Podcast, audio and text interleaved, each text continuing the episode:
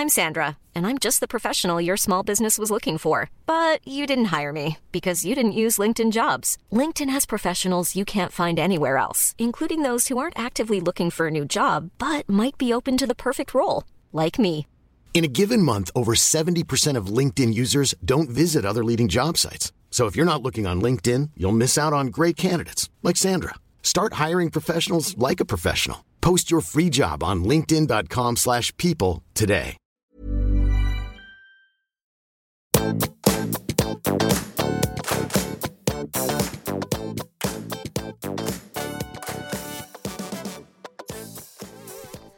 Alle sammen, og velkommen tilbake til podkasten Karriereveiledning med Elaine. På høyre flanke er det lett smatting. Det er ikke sikkert du hører det, men jeg tror det har gitt seg nå.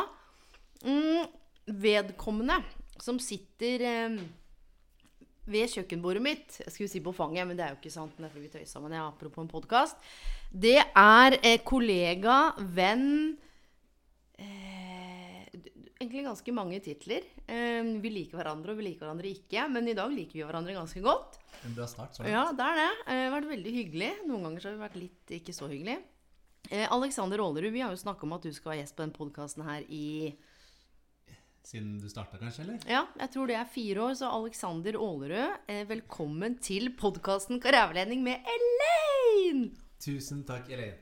Veldig hyggelig å endelig endelig få lov til å få æren til å sitte ja, nesten på fanget ditt. vil jeg si. Ja, det er ikke langt unna. Du skulle jo absolutt ha én mikrofon i dag. Ja, men det er fordi at det er noe trøbbel med den andre. Og nå orker jeg ikke sånn. Det har vært litt trøbbel med lyd, og da er det kjipt å høre på. Så jeg har vært litt sånn tøff og sagt sånn Ja, hvis det er dårlig lyd, så nå Men nå tenkte jeg nå kan vi gi de den beste lyden, men nå er vi to stykker inn i én mikrofon. Du har fått kaffe. Eh, te? Nei, det har du ikke fått. Og så har vi snakka litt om livet. Og Alexander, dette handler om karriereveiledning, men det er også livsveiledning. Og jeg skal starte med å spørre deg om én ting. Hva ville du bli når du var liten? Ja, eh, det var det, ja.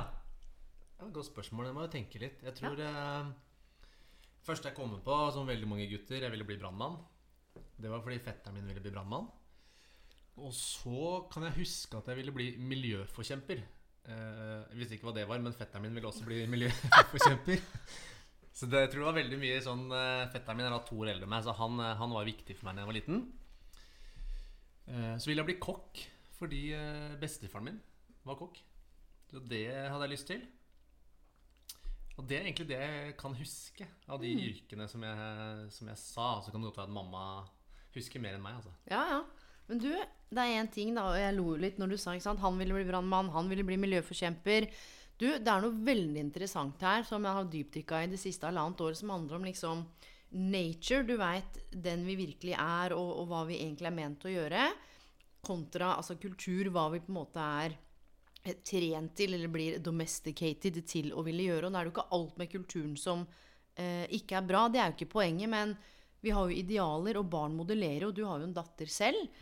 Og hvor sterkt det med eh, sosialisering, dette med relasjoner, det å se hva alle andre vil og gjør, hvordan det også kanskje åpner opp dører for oss, men også stenger dører, da. Og det er jo nysgjerrig, fordi hvis vi hopper helt til akkurat i dag, så holder du jo ikke på verken med å være Kanskje du er litt miljøforkjemper, da. Det må vi jo si. Du er jo kjempeflink til å kildesortere og ordner og styrer. Skal ikke si at du ikke gjør det. Men du er jo verken brannmann eller kokk. Nei. Nei, og det er nysgjerrig på. Når husker du at du liksom tok det første sånn karrierevalget ditt? Var det noe du gjorde bevisst, eller har liksom karrierereisen din bare blitt til? Jeg tror, eh, jeg tror mer det siste, faktisk. I hvert fall sånn i starten. da. Eh, Fordi jeg husker Det første store valget jeg husker, var jo når man skulle velge videregående. Det var jo et sånn stort valg. Da jeg da diskuterte man jo i vennegjengen altså med kompiser. Hva skal du velge? Hva skal du velge? Og så vil man jo kanskje velge det som, som du har venner som gjør, eh, men innenfor ting du interesserer deg for. da. Og så pratet jeg litt med foreldrene mine, og de var selvfølgelig opptatt av at man skulle ha muligheter videre. I og med at jeg ikke visste helt hva jeg ønska å, å bli. Hvordan kom det til uttrykk, da? De mulighetene videre? Var det 'velg dette, det er trygt', eller Jeg tror det handla mer om hvilke muligheter som fantes etterpå. Og typisk er sånn allmennlinja på videregående var jo sånn Det er åpent, da kan du velge, da har du gode muligheter etterpå. Så jeg sto mellom allmenn og idrettslinja. Eh, og kvelden før vi skulle søke, så gikk, hadde jeg vel kryssa på allmenn, hvis jeg husker riktig, og så blei det idrett. Da tok jeg idrett sammen med da eh, bestevenninna mi, som vi valgte sammen på, på videregående i Ski. Og da ble det idrett. Og jeg har alltid drevet med idrett hele livet, så sånn sett var det helt naturlig. Pluss at eh, da fikk man veldig mange av de allmennfagene i idretten. da. Og så er det jo noe, da, som du sa, du holdt på med idrett, så det var jo noe du mestra, noe du hadde interesse for. Og vi begge jobber jo med mentaltrening og er jo forelesere av FPT, utvikler jo mental treningsutdanningen. Vi har coaching, salg og markedsføring, og du har jobbet også med fysisk trening i over 20 år og har jo en, en bachelor. Vi skal komme tilbake til det. Ja, men du, vi er ganske voksne. Du blir jo 40 neste år. Tenk deg ja. Du, det er, det er It's a new world. Nei, du, det er ikke Ja, det, hvordan altså. er det å være 40? For jeg vet ikke hvordan det er ennå. Du, jeg skal si deg, den dagen jeg fylte 40, så var jeg så rolig og så at peace med meg sjøl og tenkte sånn Nå skal jeg legge igjen de tingene jeg skjønner ikke er lurt. De mestringsstrategiene, de eh, taktikkene jeg har hatt med meg kanskje fra som barn av, eh, mønstre. Skal jeg legge igjen det, og så skal jeg faktisk ta mer bevisste valg. Og det har jeg jo faktisk gjort. Så det var et sånt skille, akkurat som om jeg forlot noen deler av meg selv i 20- og 30-åra that no longer served me, noen ting jeg holdt på med. Og så starta jeg meg noe annet. Litt sånn bitte lite mikroverktøy. Sånn keep, stop, start. Hva skal jeg fortsette med? Hva skal jeg slutte med? Hva skal jeg begynne med? Um, så for meg så har um, Nå er jeg liksom 40 år og tre uker. Vil si det er ganske ålreit, altså. Samtidig, vet du hva jeg kjenner mer på? Det er sånn uh, Bør jeg ta Botox? Ja, men du, vet du hvorfor det? Det er noen ganger jeg er steder hvor folk har en alder som ikke fins. Og dette er ikke noe kritikk til noen som har det. Dette er bare min mening og hvordan jeg kjenner at jeg blir påvirka av at ok, jeg er litt sånn poser under øynene i dag, var på halv seks med Aiden, så jeg har fått en sinnarynke i panna. Eh, og det er sånne ting Det er ikke fordi at jeg ble 40, men det er sånne ting som jeg egentlig ikke har tenkt på før. Jeg har lyst til å eldes med verdighet for meg. Og det er klart, herregud, folk må ta silikon og Jeg er ikke noe sånn moral judge. Men jeg har begynt å tenke på, hvis jeg er i rom med mennesker som da er samme alder eller eldre Du, de ser jo ut som de ikke er 45, da, eller 50. Og da føler jeg meg skikkelig stygg. Er det rart å si? Nei, ikke det. Altså, ikke for meg. Jeg kjenner meg altså, Nå har ikke jeg opplevd the epiphanies, eh, the epiphany of the 40s ennå. Jeg gleder meg til 13. juli 2024, for da kommer liksom livets oppbevaring. Ja, ikke sant? I, Men- I noen men, timer. eh, Men, ja. men, nei, men vet du hva? Det er Men som mann, da, hva- som, hva- Jo, jeg kjenner på det samme. Jeg har begynt å få grå hår. Jeg har eh, litt tynnere hår oppi, oppi isen her enn ja, en tidligere. Er det noe du tenker på? Ja. Uh, altså, den dagen jeg så det Ja. Det er ikke sånn, Jeg har ikke, jeg har ikke fullmåne oppi her, men det, det er litt tynnere enn da jeg var yngre. Eh, og da husker jeg at når jeg så det Den dagen brukte jeg liksom, da brukte jeg en time på å researche hårtransplantasjon og alt mulig rart. Bare sånn Sånn småpanikk. Helt merkelig å si, for jeg kan jo bare skinne meg. Jeg er jo mann, tross alt. Ja, ja. Men, men det var det jeg gjorde da. Da begynte jeg liksom å researche og sånn. Ja, så jeg, jeg skjønner det. Mm, jo, jo, men det er, jeg tror det er viktig, og det her handler ikke om at det er noe rett og galt om folk ikke tar Det er ikke poenget, men poenget er Det er jo ting jeg ser. Og det, på, det er tilbake til det vi snakker om når vi snakker om karrierevalg. Hva vil du bli? Du, livet må jo ses i et mye større perspektiv enn det. Hva fetteren din ville, hva foreldrene våre tenker, hva som er ok i samfunnet. Eh, og det er sånne ting jeg har kjent på sånn Oi, jeg er inn i Jeg tror jeg skal bli 100, da. Så jeg har tråkka inn i to tredjedeler av livet. Nå kan det jo være at jeg stryker min mora, det veit jeg ikke. Men det er akkurat som om døden har kommet litt nærmere. Men ikke på noe sånn skummelt vis, men sånn Du, det der gidder jeg ikke bruke tid på. Eller det dramaet der. Eller nei takk. Så det er, en, det er noen mennesker som ikke er med meg videre i livet. Og ikke fordi ikke de er ålreite mennesker, men um, jeg tror ikke vi kan gi hverandre det vi trenger. Og det er sånne tanker som har gjort meg nå. Tid med Aiden. Eh, tid med de jeg bryr meg om. Og det er litt sånn klisjé.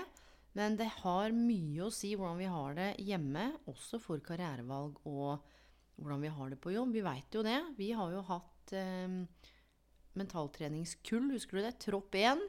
Eh, som besto av veldig mye forskjellige mennesker. Skulle ta masse ulike karrierevalg. Og hvordan, hva en har med seg inn, da, har så mye å si.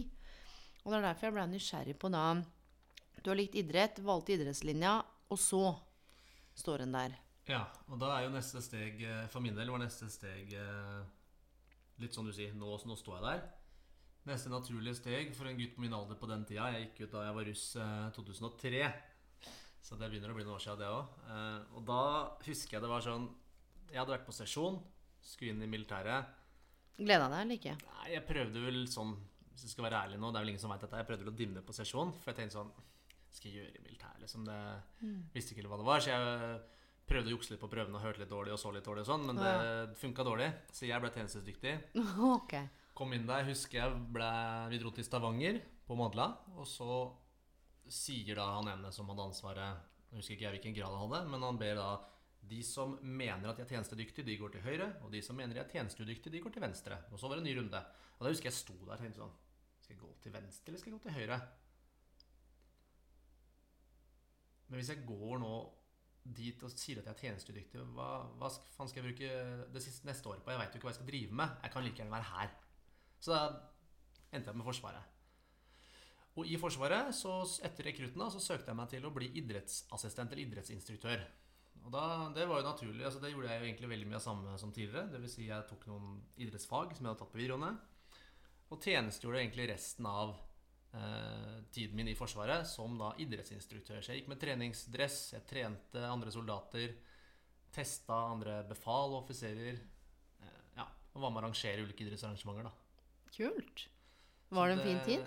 Det var en veldig fin tid. Eh, Det eneste jeg nesten angrer på, var at jeg ikke var mer i sånn ordentlig militære. Mm. Det var, jeg kan si jeg var kanskje 11-12 uker, og resten så satt jeg på et kontor da med joggedress ja. og trente folk og var på laben og var på Ja. treningsrommet. Mm. Eh, Men der møtte jeg da en, hadde jeg en offiser, en idrettsoffiser. Eh, Hun het Cecilie Haraldsen, tror jeg, hvis ikke Haraldstad, tror jeg hun het.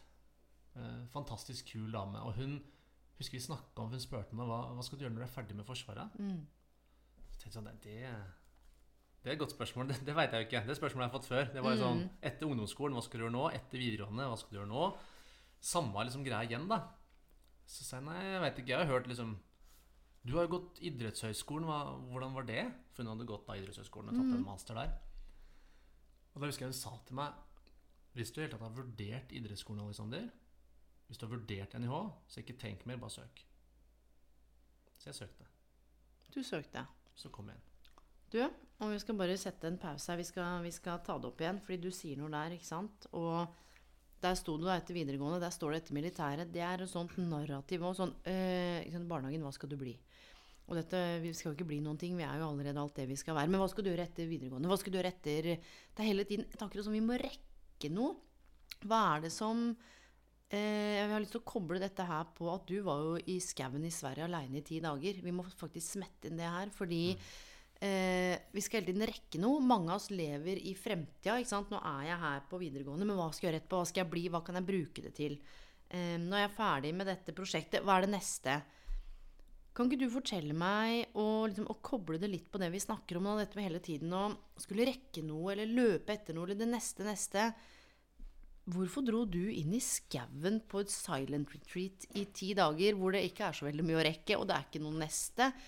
Hva var det? Og dette er jo ikke så lenge siden som vi er i nåtid. Vi skal opp tilbake til det andre etterpå. Men hva, hva var det? Var det et sånt innfall? Var det Du, det der har jeg stilt Det spørsmålet har jeg faktisk stilt meg sjøl. Det høres kanskje litt rart ut å stikke ti dager inne i skogene holdt jeg på å si, i Sverige, hvor du skal sitte da ti timer om dagen og meditere, ikke få lov å kommunisere med noen, ikke ha skjerm, ikke få lov å lese bok, skrive på noe, ingenting. Du er bare med deg selv og dine tanker.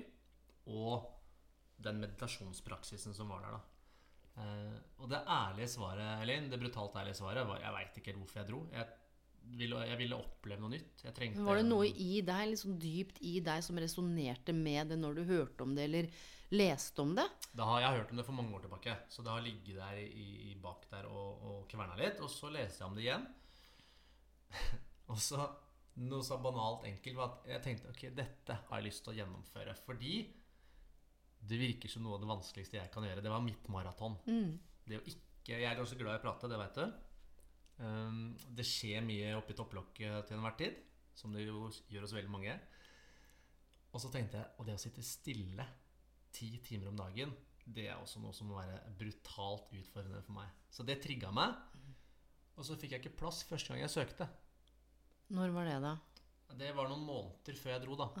Så første gang jeg søkte, da var jeg for sein, og da skjønte jeg at er Ok, så det, dette er jo noe som folk må liksom søke seg plass til, og det er jo tydeligvis mange som har lyst til det. Ehm, men det var ikke det som trigga meg, for det at mange ville gjøre det, var nesten nok til å gjøre at jeg ikke ville. Yes, Ja. yes, yes.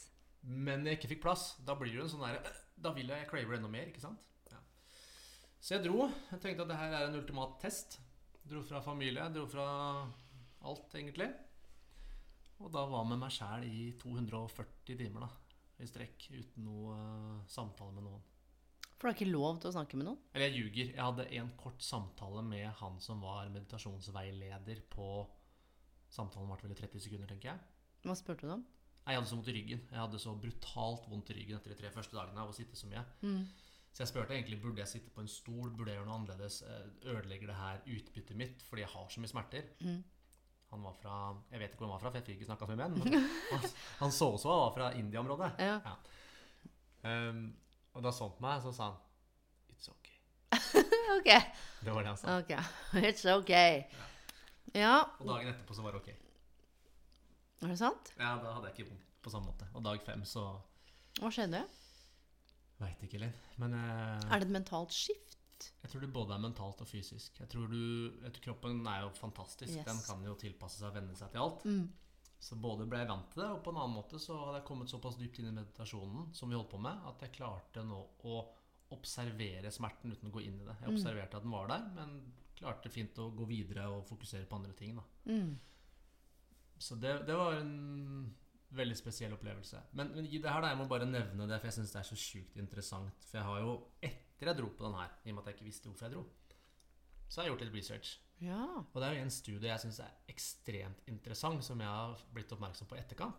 Og det er jo en studie som ble gjort på, på menn og kvinner, da, hvor de fikk beskjed om at de skulle sitte da eh, for seg selv med egne tanker i 15 minutter. Hver dag. Nei. Nei. Et singelt Ja, eksperiment. ok, ok. Så før eksperimentet starta, så fikk de også demonstrert en maskin som ga støt. Ok? De menneskene som skulle være med da, eh, ble, fikk demonstrert denne maskinen, og så fikk de da beskjeden Nå skal du få lov å sitte i stillhet med egne tanker i 15 minutter. Hvis du kjenner at du absolutt ikke vil sitte lenger, så kan du gå bort frivillig og gi deg selv støt med det apparatet der. To tredjedeler av mennene valgte å gi seg selv støt kontra å sitte i ro med egne tanker. Og en tredjedel av kvinnene gjorde det samme. De menneskene som da gikk bort og ga seg støt, var de samme menneskene som før eksperimentet sa seg villige til å betale for å slippe å få støt når de fikk det demonstrert. Men fordi det var så ubehagelig å sitte alene i egne tanker. Du, det her Nå er vi inne på kanskje noe av kjernen i både mentaltrening og hva vi begge to er opptatt av. Og jeg skal bare koble dette her på én ting, fordi Apropos da, med hen, han og hun, og nå i, i kraft av å være mann. Em, jeg jobber en del med mannlige ledere, direktører. eh, En del inne i ulike organisasjoner. Hvor 100 av de jeg jobba med, hatt fasade, hatt svær overbelastning, hatt veldig få å dele med, masse press, sier ikke nei, skam å skulle si fra seg noe, hater at det er stille. Det må skje noe. Det er prosjekter, det er garasjen, det er golfen, det er bygginga, det er telefonene. There's no room for silence. Er det sånn, tenker du, og nå spør jeg det å være mannlig eller kvinnelig leder, da. Um, og så kan det være litt sånn brannfakkel, men jeg er egentlig ikke ute etter at ja, nå skal vi bestemme noe. Men er det vanskeligere for menn å være sårbare? Eller hva er det som gjør Det er mye organisasjonskultur. For noen av de kulturene, bare si det, så er det umulig å være å vise sårbarhet, fordi da er du litt sånn ute. Ikke sant? Sitter i ledergruppe med mange, og det er hardt gjør. Og hva er det som gjør at det er så vanskelig å sette seg ned i 15 minutter med tankene sine? Jeg, kan bare snakke ut ifra Altså, Hva som gjør at det er vanskelig i dagens samfunn, det tror jeg at vi aldri får en pause. Det tror jeg at alt er rigga med impulser hele tiden. Eh, så enten så ser du på noe, eller så hører du på noe. Hvis du skal henge opp klesvasken, så har du samtidig en podkast på øra. Du får aldri den tida da, til å bare være alene med hodet ditt. Så idet du hører den støyen og begynner å høre den indre kritikeren som kommer, i stedet for å være nysgjerrig på, på hva er det den kritikeren egentlig kan gjøre for deg, da. Altså hvorfor er den her i utgangspunktet? Eller hvordan kan jeg be den der eh, styggen på ryggen holde kjeft, og så trene den opp til å si noe mer konstruktivt? så prøver vi å døyve det og få det ut, da. Så det tror jeg er det ene. Eh, Og jeg tror det er vanskelig å rømme fra. Du vet det. Jo mer du døyver, jo hardere slag får du når du Yes. først blir truffet. Og det er litt sånn life whispers to you. Og det er derfor jeg spurte hva var det som gjorde at du ville dra. Var det at du kjente for mye støy? Du bare trengte en pause? Liksom. Kanskje mer nysgjerrigheten eh, som drev deg. da. Jeg skal bare si det, for her De har nesten aldri hatt en pause, fordi pausen virker så skummel. Og det er litt det du er inne på nå, hvor en hele tiden løper opp på et eller annet tidspunkt. You can never outrun yourself.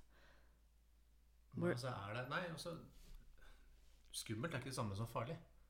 Det er skummelt. Det er skummelt å sitte 240 timer oppe i eget hue. Nå skal jeg være så ærlig og si at jeg, jeg, jeg ser på meg selv som ekstremt privilegert, heldig. Jeg har ikke noen sånne store traumer i livet som jeg har opplevd. Du hadde et samlivsbrudd. Eh, foreldrene dine hadde samlivsbrudd da, når du var jo. fire. Men, okay. men, Eh, men det er ikke traume som du bærer med deg nå? Nei, jeg husker det ikke som et traume pga. hva som har fulgt etterkant. Jeg husker situasjonen, så ja, det var en traumatisk opplevelse der og da. Mm. Men i etterkant, nei. Og grunnen til at jeg sier det er heldig altså, Du vet, Folk har opplevd mye verre ting, og vi sitter her i dag, og det skjer ting i verden. og- I know. Jeg veit det. Og Yes. Så, så derfor så kan jeg egentlig svare på det spørsmålet du snakker om menn, da. eh, Ut ifra observasjon. Ja. For jeg har ikke erfart det på den måten. Nei. Eh, Det er litt merkelig å si, men jeg, jeg føler meg litt annerledes enn mange menn på min alder, fordi jeg har aldri hatt noe problem med å snakke om hvordan jeg har det, eller Sånn ekte og ærlig. Ja, ja. Hva kommer det av, da? Det tror jeg er mora mi som har vært en pain in the ass uh, gjennom hele oppveksten.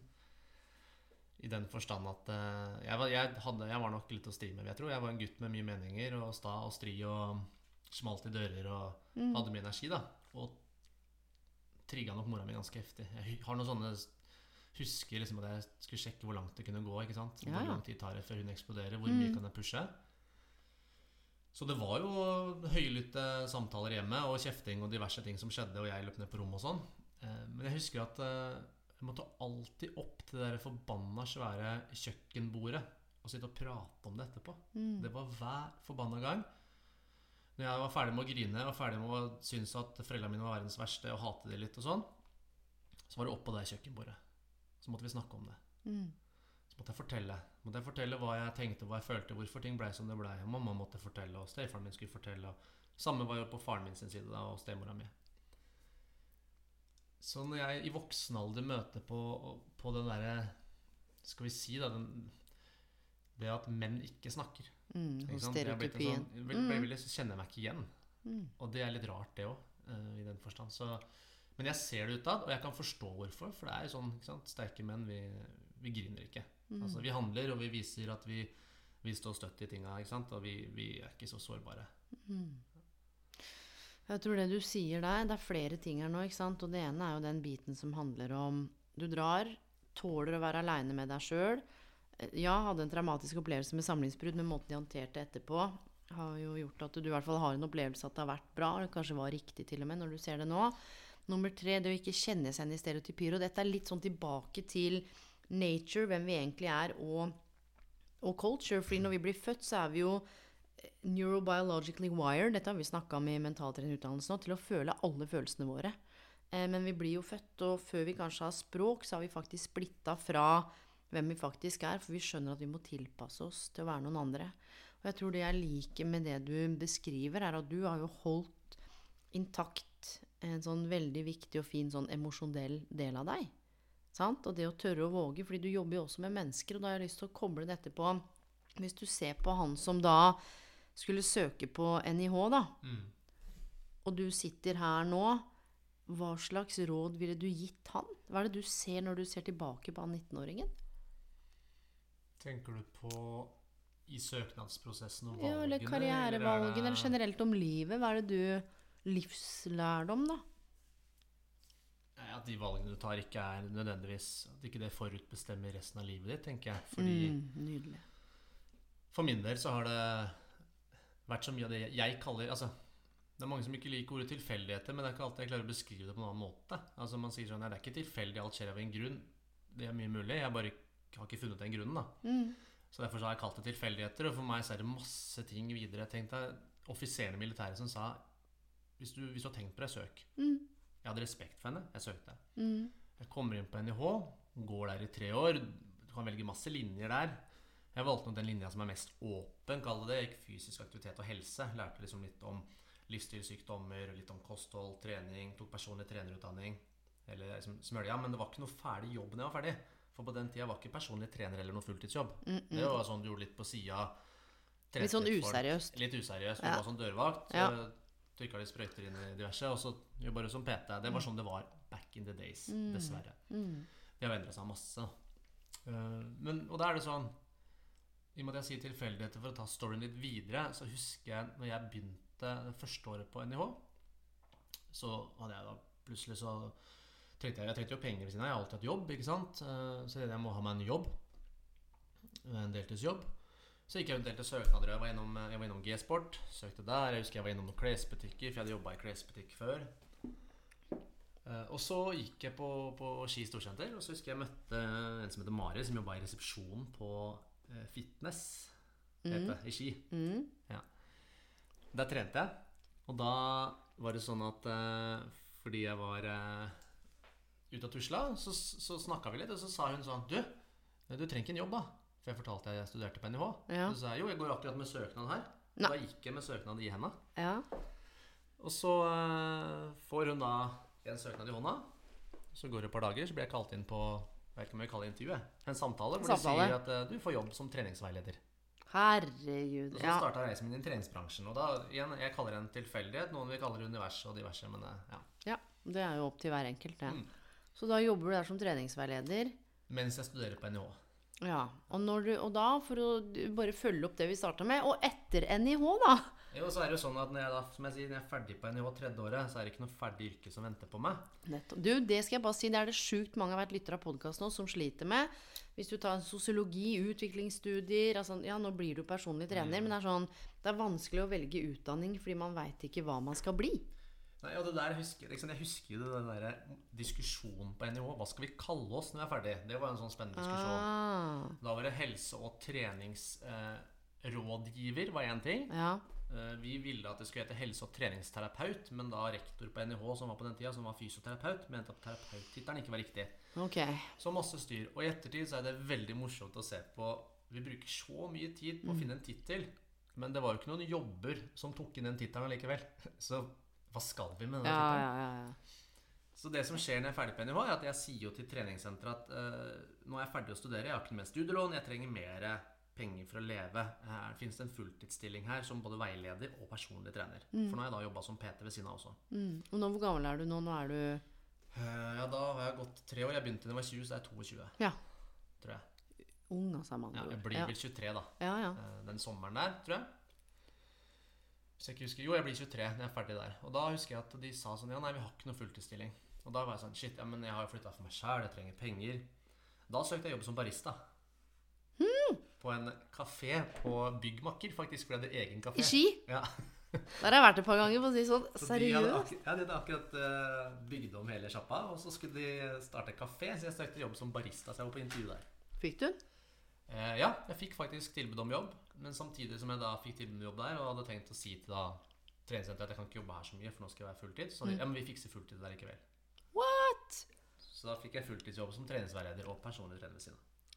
Og så eh, kort av veien videre, hvordan du kom inn i AFPT. For du har jo hatt en reise. Du har både vært i utlandet og innland og Mhm. Ja, nei, så jobber jeg som personlig trener. Mm. En leder jeg har som personlig trener, han, kompisen hans starter noe som heter Active Education. Mm. Som er en utdannelsesinstans som også utdanner personlige trenere. Nå konkurrent av det jeg jobber nå, da. Eh, Og han spør meg da sånn Du, kan du komme inn og ha en eh, demo for, på PT-ene våre, da? Eller for studentene? Så jeg, ja, det kan jeg gjøre. Ha en demotime. Mm. Og så går det et par uker til, så sier han du, forresten, vi, eh, vi mangler en foreleser. Kan du tenke deg å komme inn og forelese i stedet for å holde demoen? Eller i tillegg, da. Hva kjente du da når du spurte om det? Jeg kjente på en ekstrem frykt. Uh, nervøsitet. Og tenkte det her kan jeg ikke, jeg er ikke god nok. Sånn og sånn. Men samtidig så var jeg ung, så jeg hadde fortsatt litt den derre Zesten. ja, jeg, var- jeg var litt altså, jeg skal være ærlig, jeg var litt ovenpå, for jeg følte meg husker på den tida Det er litt flaut å innrømme. Jeg, husker, jeg, jeg følte meg litt sånn Jeg følte at jeg var den mest beleste av de trenerne jeg spilte på. Det er så deilig. Det er så vondt å si. Det er så digg. Fordi jeg hadde godt tatt en bachelor. Ja, ja, ja. ja, ja. Wow. Så, så jeg var litt sånn Du, dette fikser jeg. Men jeg ble grisenervøs. Eh, og det gjorde ikke saken bedre at bare en uke eller to uker før vi skulle undervise, så sitter jeg og går gjennom stoffet, og så det er lenge siden. Så har det vært en misforståelse. Så studentene har eh, mangla noe av anatomien som de skulle hatt. Så min første forelesning noensinne, det var anatomi på overkroppen. Ok. Så, men så gikk det tålelig greit. Jeg fikk lov å fortsette, jeg fikk nye oppdrag. Fikk vite at det var en som en ledig stilling på Bali. For de hadde da utdanning på Bali. Så jeg tok kontakt med lederen, ringte han, og så sa jeg du, jeg er interessert i Bali. Jeg hadde ikke fått spørsmål ennå, men jeg sa jeg er interessert. Så endte jeg opp å være på Bali. Så der var jeg da tre ganger, og så var jeg i Orlando seks ganger. Og underviste da fem uker om gangen. da. Vet du hva som slår meg? Når du sier at eh, dette med tilfeldigheter, og det er en av karrierekompetanseområdene Det er liksom fem svære områder. Det ene handler om en sånn begrepspar som egentlig står i motsetning til hverandre. Altså litt sånn dikotomi. Og det betyr at det er liksom eh, tilfeldigheter og, og valg det som ikke er tilfeldigheter. Det som slår meg, som bare som ble en sånn rød tråd gjennom når du snakker, det er at ja, tilfeldigheter, men fy fader, du har vært proaktiv. Du har jo faktisk vært der ute, tatt den telefonen, eh, og så slo det meg når du tok det valget i militæret, høyre eller venstre, og du valgte det som Du vet, det er jo integritet, for du var jo tjenestedyktig. Em, og så litt mer av idretten, selv om du kanskje skulle ha gjort noe annet i militæret. Så er det den derre proaktiviteten. Som er en sånn rød tråd i hvem du er. Som er, det er Du har sikkert prokrastinert, for det er det mange også som gjør. Men eh, du kommer i posisjon. Du kommer i posisjon til å dra til Bali og Orlando, og det er ledig posisjon. Det er ikke sikkert den skulle til deg, kanskje den skulle til deg. Eh, det bare slo meg nå veldig tydelig. Jeg har vi har kjent hverandre ganske lenge nå. Sju år eller ti år, eller jeg husker ikke. Og det er ikke at jeg ikke har sett på deg som proaktiv, men nå ble det sånn Oi, her er det en eller annen sånn sinnssykt viktig kompetanse. Jeg vet faktisk Altså, jeg har vært klar over det. Nå ble jeg klar over det igjen eh, når vi snakker. For jeg føler at det var tilfeldigheter i starten. Ja, ja. Tilfeldigheter Eller det at man tør å ta valget uansett. Da Stole på noen som sier 'søk', disse tingene her. Mm. Det vi har snakka om tidligere, som jeg, som jeg vet er en rød tråd oppi det her, er at ja, jeg har, vært, jeg har tatt sjanser. Da. Jeg har turt, jeg har tatt kontakt. Det er sånn jeg har fått alle jobbene jeg har fått. Ja, For du har ikke vært på mange vanlige intervjuer og sendt mange vanlige søknader, du? Jeg vil påstå å si at jeg aldri har vært på en vanlig intervjuprosess noensinne for en eneste jobb. Det er eh, spennende. Så det er jo en setting jeg syns har vært dritskummel. Hvis jeg skulle liksom gjennom masse runder og alt dette her. Jeg har jo ikke opplevd det. Um, Og du er 40 snart. Aldri vært på et jobbintervju. Jeg, på, jeg føler jeg har vært på en samtale og fått beskjed du, har, du får jobb. Ja, ja, så- Men det har liksom ikke vært det derre Hei, ja, velkommen på intervju. Det er deg og 15 andre. Jeg har skrevet andre. sånne generiske søknader Ja, ja, som jeg har funnet på nettet tidligere. Som man bare kopierte og bytta navnet på, som ikke hadde noe personlighet i det hele tatt. Men det stemmer, det. Så det er, eh, jeg prøvde å tenke det her om dagen òg, fordi jeg var innom håndballen litt tidligere Mm. eh, som fysisk trener. Og da Det hadde jeg glemt, nemlig. Eh, det har jeg ikke tenkt på på mange år. Og det, jeg var jo prata med en coach da jeg var i starten av 20-åra. Tror jeg var sånn 24 Mm. tidligere, tidligere lærer eller hjelpelærer på skolen som jobba som coach. Da så var jeg sånn Jeg vet ikke Han jobber som coach, det høres spennende ut, jeg vet ikke hva det er for noe, så jeg går og prater med han. Og i løpet av den samtalen så sier jeg til han at jeg skal bli fysisk trener for Manchester United. Wow. Og han mener da at jeg skal ta eh, kontakt med Vålerenga prøve å komme inn der. Det er ikke så lett å komme inn der. Jeg hadde ikke noen kontakter igjen der, så jeg tenkte jeg i hvert fall Jeg vil inn i idretten som fysisk trener. Så jobber jeg med en som er keeper på et eliteserielag i håndball. Så jeg tar opp telefonen og så ringer jeg treneren hans og spør om jeg kan komme på trening og se på. Så får jeg lov å komme og se på, og så ser jeg ganske tydelig at heldigvis da, så fikk jeg en følelse av at ok, kan, her kan jeg gjøre noe. Mm, kan Her, her kan jeg bidra, her har jeg ting som jeg kan si. Så jeg begynte å Så jeg var på noen treninger da bare for frivillig og bare og så på og spurte om jeg kunne få lov til å være der, og bidro gratis da. Og så fikk jeg da tilbud om jobb etter hvert da, som fysisk trener der. Du, det her er sånn til inspirasjon, fordi veldig mange eh, er jo redde for å ta sjanser. Syns det er skummelt, redd for å mislykkes. Og det er jævlig skummelt, altså. Ja, men du Ikke- gjør det. Ja, ja. Og det er jo det her som er fascinerende. Og hva har vært veien din da inn i det mentale? Fordi du har jobba mange, mange år med det fysiske. Men parallelt når du jobber med det fysiske, så jobber du med det mentale. De henger jo sammen. Så en, man tenker jo som personlig trener, driver med noen gymapparater Men hva har vært veien din inn i det mentale for å snakke litt om Du er jo på en måte fortsatt fysisk trener og jobber som personlig trener, men du har jo også på en måte brancha ut i det mentale, gjort det bredere, da. Hva What happened? Jeg eh, Det starta Jeg har alltid vært interessert i det mentale. Så hvis jeg skal si hvor det starta for min egen del, så har jeg hatt en reise med veldig mye trening. Starta med styrketrening da jeg var 16. Hvorfor starta du med det? Uh, nei, 16 og ljuge. jeg. Jeg starta på et gym da jeg var 16. Jeg begynte å trene styrke hjemme da jeg var 13-14. jeg tror jeg. Eh, Situps og biceps curl. Ja. Jeg starta med det for jeg så på Baywatch. ja. ja. ja eh, gutta med sixpack fikk mye oppmerksomhet blant damene på skolen. Apropos hva vi ser, og hva vi Så- modellerer. Så det var helt klart derfor at jeg låste meg på rommet og gjorde situps på gulvet. Det er ikke noe stikke under en stol. Jeg skulle se ut som Baywatch-gutta. Mm. Så begynner jeg å trene, og så begynner jeg i bransjen. Og i bransjen så ble jeg kjent med mennesker som som også er, altså, som er veldig opptatt av hvordan man ser ut, mye muskler, kroppsbygg, kroppsbyggkultur, sånne type ting. Har du vært opptatt av hvordan du ser ut? Ekstremt opptatt av hvordan jeg ser ut, Elaine. Er du det nå òg? Jeg er fortsatt opptatt av hvordan jeg ser ut. Men ikke men, ekstremt? ikke ekstremt, og ikke Jeg vil si jeg har en, for min egen del den balansen jeg ønsker. Ja. Så kan du spørre andre som er utafor, eller foreldrene mine. Kanskje de syns jeg fortsatt er mye opptatt av det. Men for meg så vet jeg hvorfor jeg er opptatt av det jeg er opptatt av nå. Ja. Det visste jeg nok ikke da. Det handler mer om usikkerhet. Så for å gjøre en lang historie kort, da, så Så endte det vel med at jeg nesten ble kasta ut hjemmefra fordi jeg ikke ville spise middagen som mamma lagde. Jeg dro til Sverige og kjøpte kyllingfilet. Jeg sto opp klokka kvart over fem. Seks. kalorier og Ja. Riktig. Sto opp halv seks på morgenen for å lage laks. Når mamma sto opp for å liksom Skal drikke kopp kaffe og kaffelukt om morgenen, så stinker det laks i hele huset. Dedikert, da. Jeg, ja, jeg sto opp klokka tre på natta for å drikke proteinshake. Herregud. Jeg speila meg vel ca. ti ganger om dagen, kanskje mer, i speilet, i bare overkropp, for å se om det hadde skjedd noe nytt. Men du, hvor, hvor kom det her fra? Altså, apropos ytre påvirkning, for dette var jo egentlig ikke noe sånn indre. Altså, det var idealene, det var Baywatch. Det var, var det bransjen, vil du si? Bransjen og Altså, det var mennesker som når jeg begynte på treningssenteret, som, som blei litt forbilder for meg. Som jeg ville bli som. Mm. Uh, og anabole steroider, f.eks., var helt normalisert. Ja, Altså, det jeg var, syns jeg jeg var hjemme hos kollegaen min og skulle hente filmer. Da satt han med en sprøyte i hver skulder. Um, Det her er helt fjernt for meg. Jeg har vært i treningsbransjen siden 2002. ja, men dere, ja. Aldri Jeg har jobba med det mentale, da. Jeg har Mm. liksom aldri vært inni det.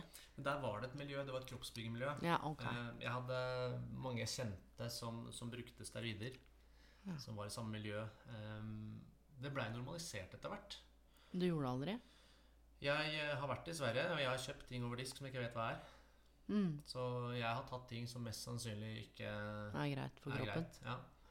Um, men jeg gjorde det ikke over lang tid. Jeg husker jeg hadde en sånn frykt samtidig som jeg gjorde det. Mm. Um, så det, det husker jeg veldig godt. Og så Men hvis du ser tilbake til det nå, fra Mm. der du, der du er nå, hva handla det om? Jeg vet at man vil bli som man, men hva handler det om? Tror, altså Det ene er selvfølgelig tilhørighet, bli sett. eh, Mm. Men eh, jeg har tenkt masse på det, Elaine, fordi jeg skal komme til hvorfor dette går inn på mentaltrening. da Men eh, fra, fra altså, Si barne- og ungdomsskolen. Høres jeg cocky ut igjen, men jeg var en person som var mye sentrum. Altså det vil si, Jeg hadde, hadde masse venner, jeg hadde masse kjærester. Jeg hadde ikke noe problem med å henge med folk og var på en måte litt sånn midtpunkt, naturlig. Så jeg begynte på videregående, hvor det var veldig mange mennesker som var veldig eksentriske på idrettslinja. Og det er første gang i livet jeg tror jeg har hatt litt sånn følelse av en sånn utenforskaphet. Eh, og når jeg sier det, så ljuger jeg faktisk. For jeg hadde den følelsen litt på ungdomsskolen også, med en tidligere bestekompis som, som begynte å mobbe meg litt. Mm. Eh, så den kom der, og så blei den forsterka på videregående. Det var ikke at jeg ikke hadde venner, jeg hadde det kjempebra, jeg var på fester og gjorde alt som ungdom gjør. Men jeg følte allikevel aldri at jeg var en del av liksom midtpunktgjengen. Mm. Og det hadde jeg jo vært stort sett hele tida fram til nå. Så det var helt nytt for meg. Mm. Og når jeg da begynte å studere på idrettshøyskolen Litt samme følelsen. Var kjempegod venn med folk. Men da hadde jeg begynt å bli veldig opptatt av muskler og hvordan jeg så ut. Og på NIH så var det mer tights-faktor og O2. Mm. Så når han gærningen sitter i kantina på NIH og drikker olje rett av flaska for han skal opp i vekt, så er det klart at da ser folk rart på han. Mm. Um, så da på en måte, da gikk jeg, trakk jeg meg mer mot kroppsbyggemiljøet på treningssenteret. For vi var likere, og det, da ville jeg bli som de gutta der. Du, jeg vil bare, og dette er sånn direkte Alt det vi snakker om nå, ikke sant? det er jo direkte koblinger til livet, til karrierevalg, til hvem, hvem vi er rundt, hva vi ser, hva vi modellerer. Dette er kjempevanlig når en snakker om unge voksne og skulle ta valg, når en snakker om kroppspress, snakker om kultur, snakker om alle de impulsene. da. Vi, vi blir jo kjent med de impulsene vi får, og det er derfor det er liksom to parallelle linjer her når du forteller historien din. Det er så innmari overførbart til valgene vi tar, uten at vi alltid vet hvorfor vi tar de. Og det er jo det her for meg som er så spennende, for du har jo hatt flere reiser. Eh, og, og alt det du beskriver? Bare, bare det å stå opp, det er jo noe mentaltrening. I å stå opp tidlig, i å våkne på natta, i å gjøre de tingene som også kanskje er med på å gjøre at vi får tilhørighet, men du kanskje ikke alltid fullt og helt er deg sjøl. Det er også noe sant, hvor vi blir splitta. Du har liksom den essensielle selv, og så ender den opp med å bli en sånn sosial selv, hvor det er egentlig ingen som veit hvem du er, selv om du eh, har vært flink til å sette ord på følelser og sånn. Og da er jeg jo sånn nysgjerrig på når er du liksom kobla alt det her med det mentale sånn konkret? Sånn åh, ok, shit, her er det en sammenheng. Jeg har en, har en veldig sånn sterk opplevelse. Om det er den første opplevelsen som jeg fikk dette, det er jeg ikke sikker på. Men i dette så husker jeg, fordi parallelt med at jeg nå trener, er eh, dedikert, som jeg kalte meg selv. Eh, litt forstyrra, vil jeg si nå. Så får jeg resultater. Jeg blir større og sterkere og får synlige muskler og på en måte Ja. Men jeg føler meg bare dårlig og dårlig. Så jeg føler meg ganske ræva i egen kropp. Og jeg blir jo aldri stor nok, og jeg blir aldri rippa nok. For lav nok fettprosent. Jeg husker Det er liksom, det er liksom en dag jeg husker jeg står foran speilet og tenker sånn Du er nå nok er nok. Nå går ikke du herfra før du har sagt noe pent til deg sjæl i det speilet der. Og det er sånn Jeg hater egentlig her i dag som mentaltrener sånn positiv selvsnakk. Bare si i speilet at du er bra nok. Jeg, jeg hater egentlig det, fordi at det funker ikke hvis du ikke gjør det jeg gjorde som er neste steg. Jeg ble konkret. Mm. Og jeg skal bare skyte inn én ting her. Fordi når du ikke blir konkret og bare står og sier 'jeg er best, jeg er god', og du ikke tror på det, så lyver du til deg selv. Kroppen din Yes. fanger det opp. Apropos ikke sant, det fysiologiske. Så det var det du sa der, og jeg må koble på én ting, så skal du få lov til å fortsette. Og når du står der og ser deg i speilet For meg så er det parallelt med folk som har kjempa, tatt utdanning, gått på akkord, tatt masse valg, tatt en trygg jobb, tatt en eller annen lederstilling, gjort noe de egentlig ikke har lyst til å gjøre. Så står du og ser deg i speilet og tenker du, fy faen, skal jeg på jobb igjen? Helvete, dette orker jeg ikke. Hva gjør du da? Og det er litt sånn som Det er der du har kommet. Det er en sånn slags eh, inferno. Det er noe sånn mørkt i at du må inn og møte noe i deg sjøl. Så da sier du det du sier, og så blir du konkret. Og hvordan kommer du på at du skal bli konkret? Jeg bare husker at nok var nok. Det, en annen, det var et eller annet punkt der tydeligvis. da Jeg var, liksom var lei av å se Se andre som jeg kjente, som på en måte Det var mange år der. Og igjen, eh, nå må folk uh, tro at jeg var fullstendig crazy, for det var jeg nok. Uh, men jeg hadde en viss følelse av at hvis ikke du hadde større biceps enn som så, så var du litt mindre verdt. Det er helt høres- sjukt å si. Nå, det høres rart ut nå, men du, dette Men her tenker, i min verden så var også muskler verdi. Så liksom, hvis du ikke bryr deg om størrelsen på bicepsen, altså hva Da er det et eller annet rart. Ikke sant? Da, da var det litt I min verden, i mitt hierarki, da, og på mitt eget hode, ja, da var det litt mindre Da var datt du ned på rangstigen. da Jeg kobler dette på noe som handler om karriere og karrierevalg og karrierehelse og karriereutvikling. Hvis ikke du tar den masteren, så er du ikke nok. Hvis ikke du går for det og har mening i jobben din, så er du ikke nok. Skal du bare ha en vanlig jobb? Skal du bare ha små biceps? Det er sikkert de med mastere som tenker det samme om de med bachelor. Som jeg gjorde med Selvfølgelig. Og de med master, hva tenker de om de samme med P- eh, ph.d.? Mm. Og så er du kanskje en jobb som du trives i, men vel, herregud, jeg må jo bli leder. Og så beveger du deg eh, oppover, men det er egentlig ikke der du hører hjemme. Og det er jo akkurat de tingene der. Og ofte, da, for å koble det på karrierebitene, så er jo utbrenthet, stress, slitenhet sykemeldt. Mm. Så det er, det er veldig spennende hvordan livet og kar Altså det er sånne parallelle prosesser og veldig spennende analogier. Og når du blir konkret, hva er det du finner på at du skal si til deg sjøl, da? Det jeg husker veldig godt, var at uh, det første jeg ble konkret på, var at jeg skulle være fornøyd med eh, blodåret jeg hadde på bicepsen. Det er det det er såpass, ja. Ja, det var så konkret. Jeg kan være fornøyd med var ikke fornøyd med ditt og datt og sånn og sånn. Og ja, for lite brystmuskulatur og masse greier. Sant? Masse som foregikk i huet på den tida. Mm. Så jeg husker jeg tenkte sånn Vet du hva, men bicepsen er ganske synlig på høyrearmen din. Mm. Ja, den er ganske bra. Den er, faktisk, den er faktisk veldig bra. Og jeg har jo hørt noen andre si det før. Og nå ser jeg egentlig hva de mener. Ok, ja, det kan jeg tro på. Greit. Og så gikk jeg. Og da lagde jeg en regel for meg selv at hver gang du ser deg sjøl i speilet, så skal du finne én konkret ting som du mener, som du kan være fornøyd med. Og da var det jo blodet på bicepsen i starten. Etter hvert så ble det andre ting, og etter hvert så gikk det over til å være mer kall det kvaliteter. Menneskelige det det kvaliteter mer enn bare det fysiske, da. Mm. Så da kunne det være at jeg kom hjem fra jobb, hadde hatt PT-kunder, for jeg var jo parallelt mens jeg jobba som personlig trener. Um, det kunne vært at jeg kom hjem, og så Du, i dag connecta du veldig bra med den kunden her. I dag var du til stede. I dag ga du deg selv. Det kan være helt andre ting, da. Så det, det utvikla seg. Eh, men det gjorde også at jeg blei veldig godt trent, så, sånn som i dag, da. Eh, så har jeg trent så mye på det her at jeg kan gå i et hvilket som helst speil i dag hvis jeg føler meg dritt, og så klarer jeg nesten å finne noe jeg er happy med, og gå derfra og føle meg bedre. Mm. Så det var første gang jeg skjønte at ok, mentaltrening funker jo. Mm. Dette er jo noe som Det må ha skjedd en endring oppi her, for dette fungerer jo, og det går raskere og raskere. Mm. Men jeg gjorde det ekstremt mange ganger før det hele tatt funka. Så det er ikke sånn at jeg gikk i speilet, og så trodde jeg på det første gang. Dette var noe jeg måtte praktisere og gjøre masse. Jeg tror det der er så viktig, og sammen med ikke så lenge til vi skal avslutte, men sammen med mentaltreningen, og særlig nevrotransmittere, som også er en del av utdanningen, som handler om hvordan en kan spike, eller hvordan en kan sjøl jobbe med dopamin, kortisol. Kan ikke du bare fortelle veldig kort om noen av de viktigste nevrotransmitterne, og hvordan det er relevant? da? Kanskje du skal bytte jobb, skal manne opp til et eh, kvinnedap, eh, hennedap, til et viktig møte. Hvis du liksom ser på dopamin kjempekort. Eh, dopamin kjempekort, ja. Ja. Det kan bli en utfordring, eller? -hmm. Ja. Nei, men dopamin er veldig ofte knytta mot, uh mot uh, tilfredsstillelse. Altså, Belønning. Belønning, tilfredsstillelse, pleasure. Mm. Eh, men egentlig så er det mer et uh, Kall det en forventningsstoff. forventningsnevrotransmitter. Så har veldig mye med forventning å gjøre. Mm. Så når du har en høy forventning, du gleder deg f.eks. til festen du skal på, eller middagen, eller daten, eller gleder deg til noe som skjer på jobben, så har du ganske høyt dopaminnivå. Du får en spike i dopaminet. Og det som er interessant her, er jo at hvis eh, forventningen din overstiger hva du opplever når du kommer til det, så får du på en måte et gap som gjør at det oppleves litt sånn smertefullt. Mm. Sånn, Alle kan kanskje kjenne seg igjen til nyttårsaften er sånn man bygger opp Oh, forventninger yes. til. Og så skal vi liksom Oh yeah, inn i det nye året, ikke sant? Med et brak. Og så blir ikke nyttårsaften helt som man hadde sett for seg, og så ble det kanskje ikke alle kom ikke som skulle komme, og så videre. Og så får du på en måte en sånn nedtur etterpå.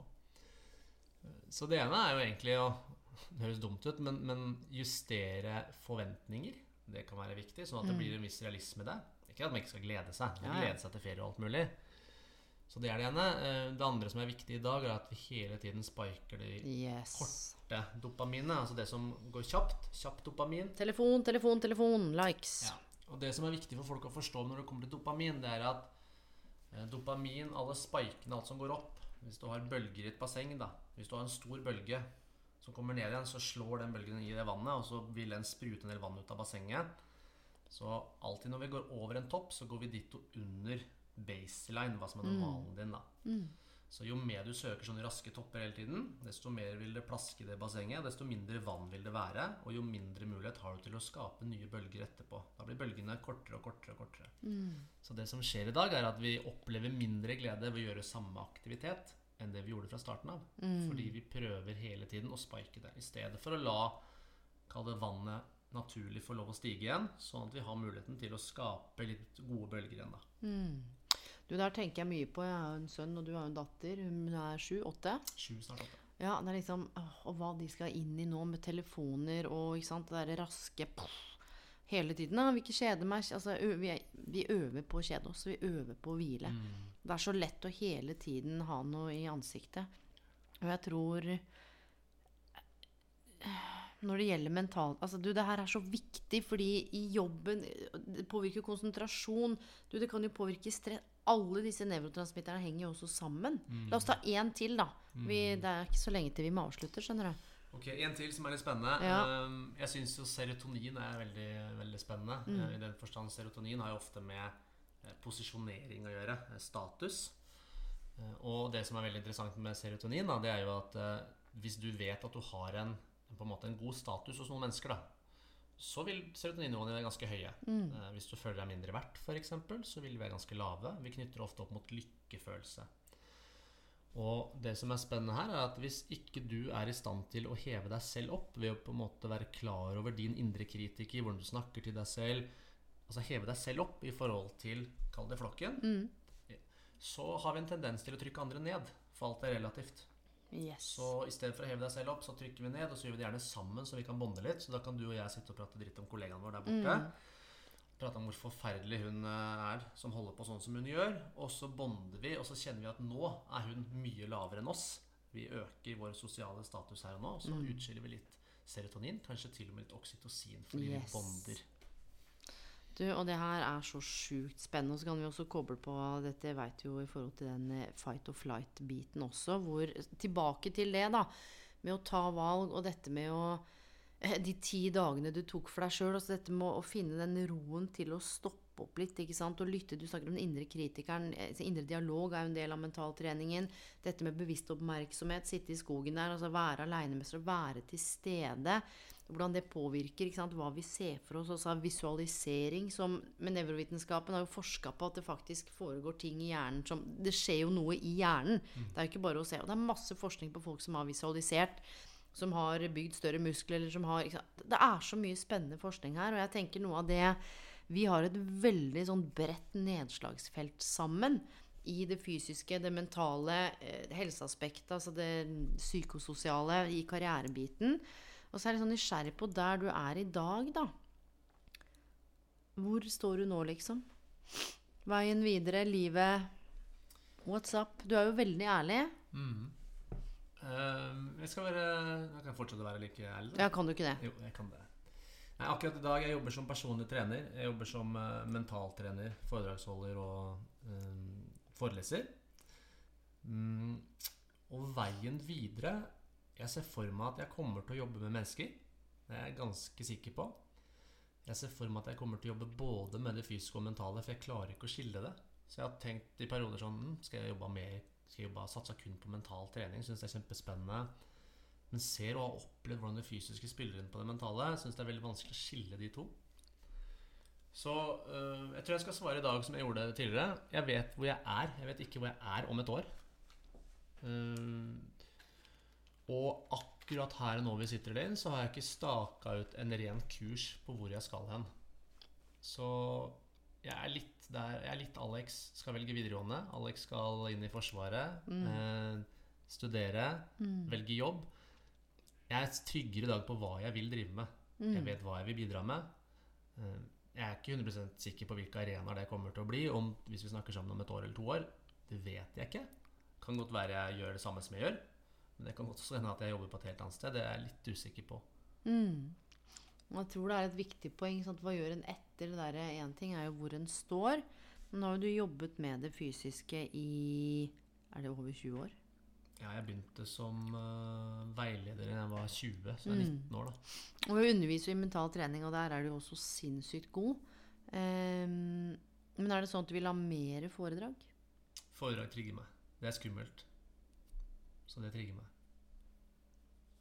Hva, kan, hva er det du har foredrag om, da? Jeg snakker om litt av det vi har gjort nå. Mm. Jeg syns det er kjempespennende å nerde litt på nevrovitenskapen, disse nevrotransmitterne.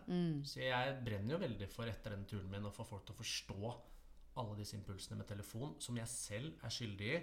Ikke misforstå. Det hjelper ikke å dra i skauen, komme hjem og tro at alt er forandra. For det var det. For hjernen min er trent opp til å ta opp den telefonen. Det gjør jeg fortsatt. Jeg får fortsatt kjeft av samboeren min for at jeg sitter på telefon. Så det er noe jeg må trene på igjen å ta meg i. Men jeg brenner for det, for jeg ser og jeg vet hvordan dette ødelegger hjernen vår. Så det å få folk til å forstå det uh, Syns jeg er kjempespennende med kommunikasjon.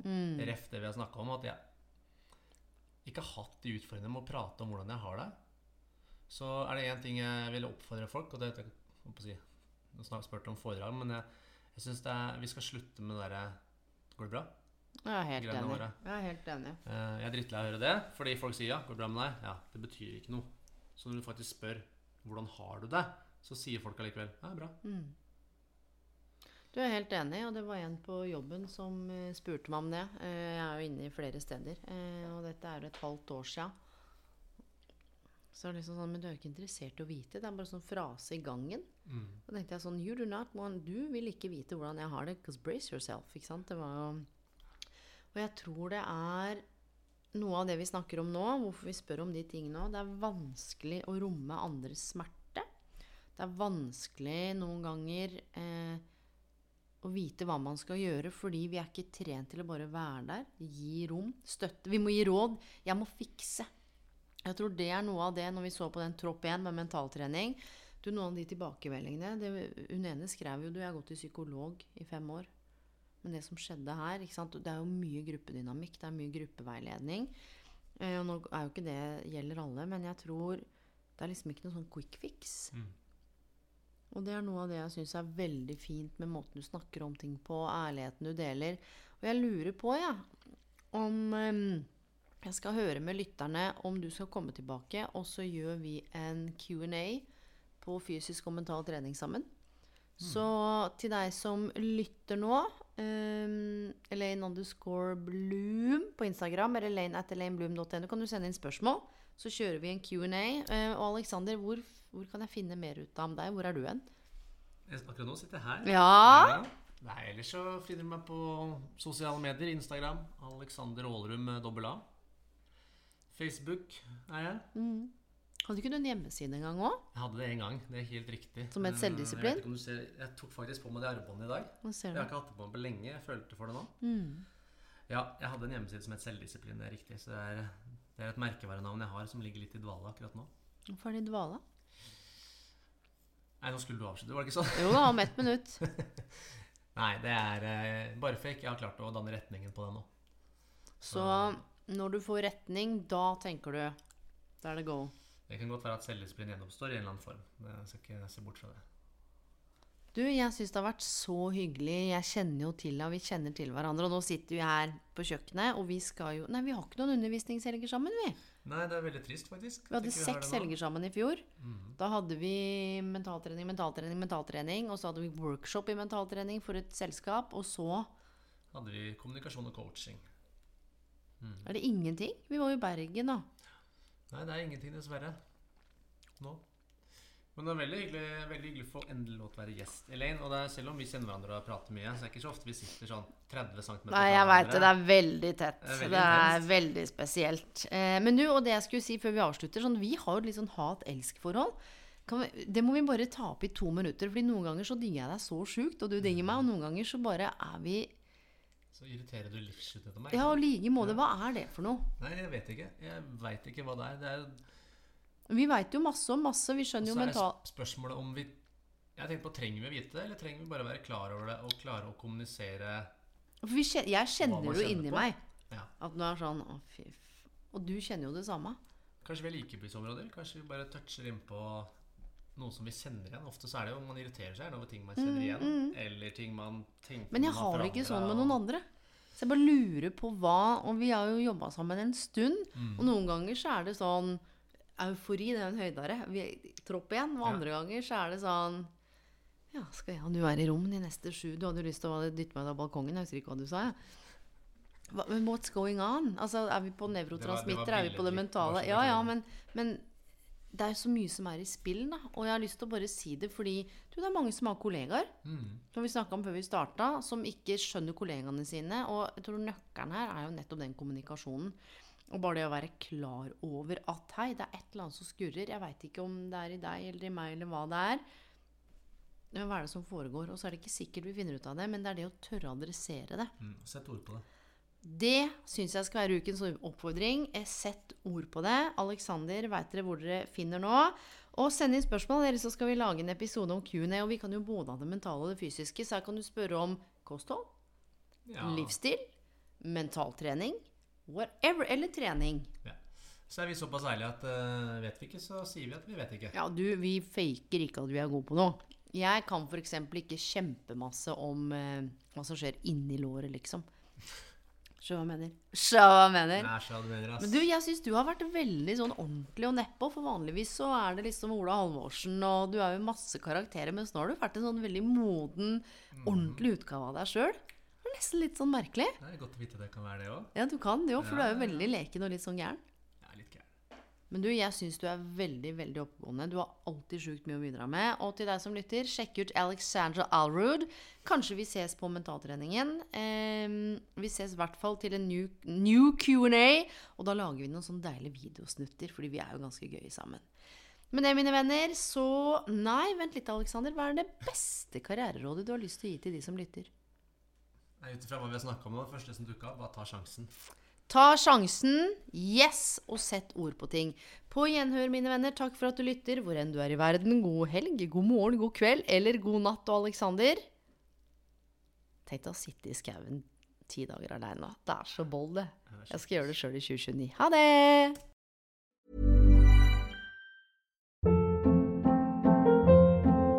Hold up. What was that? Boring. No flavor. That was as bad as those leftovers you ate all week. Kiki Palmer here, and it's time to say hello to something fresh and guilt-free. Hello Fresh. Jazz up dinner with pecan-crusted chicken or garlic butter shrimp scampi. Now that's music to my mouth. Hello Fresh. Let's get this dinner party started. Discover all the delicious possibilities at hellofresh.com. Mom deserves the best, and there's no better place to shop for Mother's Day than Whole Foods Market. They're your destination for unbeatable savings, from premium gifts to show-stopping flowers and irresistible desserts. Start by saving 33% with Prime on all body care and candles. Then get a 15-stem bunch of tulips for just $9.99 each with Prime. Round out Mom's menu with festive rosé, irresistible berry chantilly cake, and more special treats. Come celebrate Mother's Day at Whole Foods Market.